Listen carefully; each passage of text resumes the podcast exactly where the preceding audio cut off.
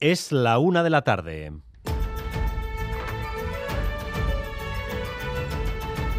Crónica de Euskadi con Dani Álvarez.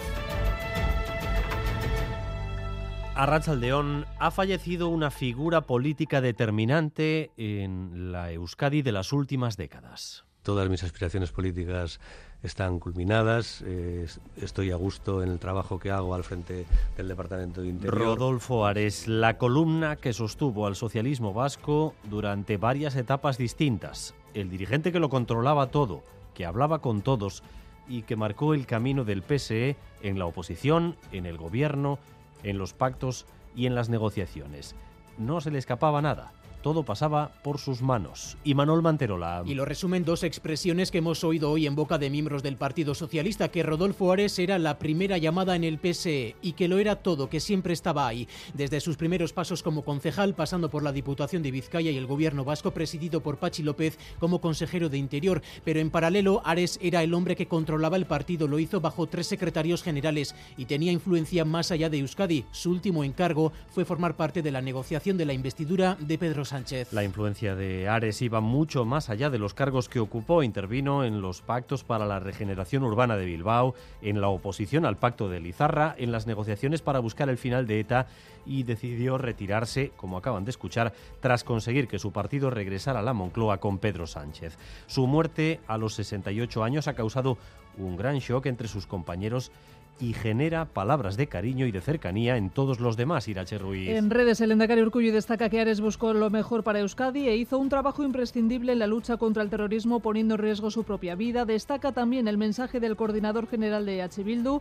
Otegui recuerda que durante un tiempo compartió espacios de negociación con Ares y añade que desde la divergencia mantuvieron siempre un diálogo franco. Desde Génova, Borja Semper pone en valor que compartió años duros con Ares y que fueron compañeros frente a ETA y por la libertad. Además, esta mañana en Boulevard, el portavoz del gobierno Bingen Zupiría ha enviado el siguiente telegrama sonoro a los jueces vascos que en repetidas sentencias están limitando o recortando las exigencias de euskera para acceder a puestos de trabajo en la administración. El euskera, dice Zupiría, es como que no va con ellos. En esto está fallando de forma estrepitosa el sistema judicial. No hay un compromiso para atender a la diversidad lingüística. Es como que no va con el Poder Judicial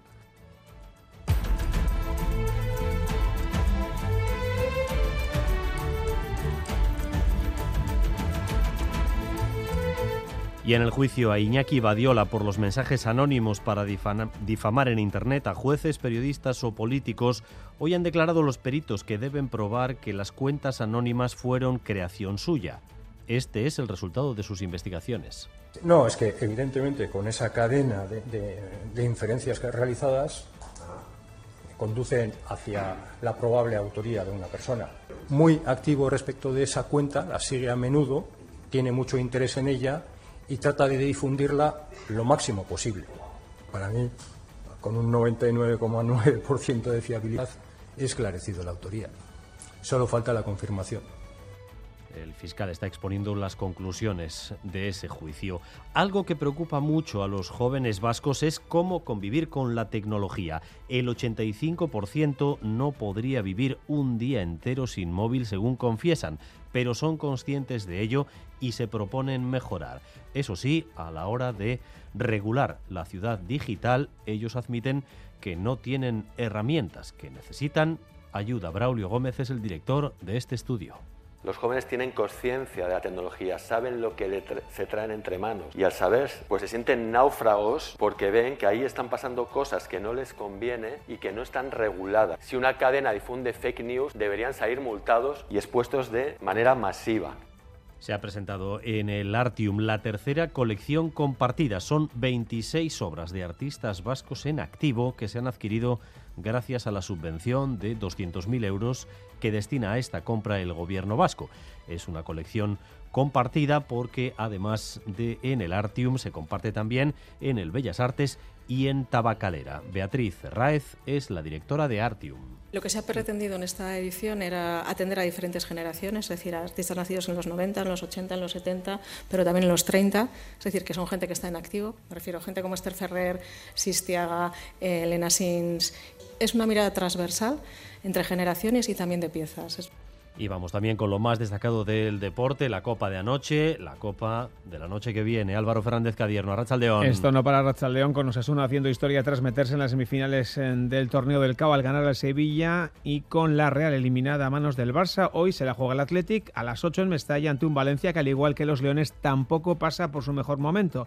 Y también hoy partido de la Liga F, Granadilla Real Sociedad. A esta hora precipitaciones, sobre todo en los lugares más cercanos a la costa, donde vamos a continuar con lluvias durante buena parte de la jornada. La cota de nieve sigue rondando los 800 metros, bajará algo a últimas horas del día y las temperaturas siguen por debajo de los 10 grados, tan solo 8 en San Sebastián, en Bilbao o en Bayona, 7 grados de temperatura en Iruña, 6 grados en Vitoria-Gasteiz. Gracias un día más por elegir Radio Euskadi y Radio Vitoria para informarse. Raúl González y eh, José Ignacio Revuelta se encargan de la dirección técnica, a Itziber Bilbao de la coordinación. Crónica de Euskadi con Dani Álvarez.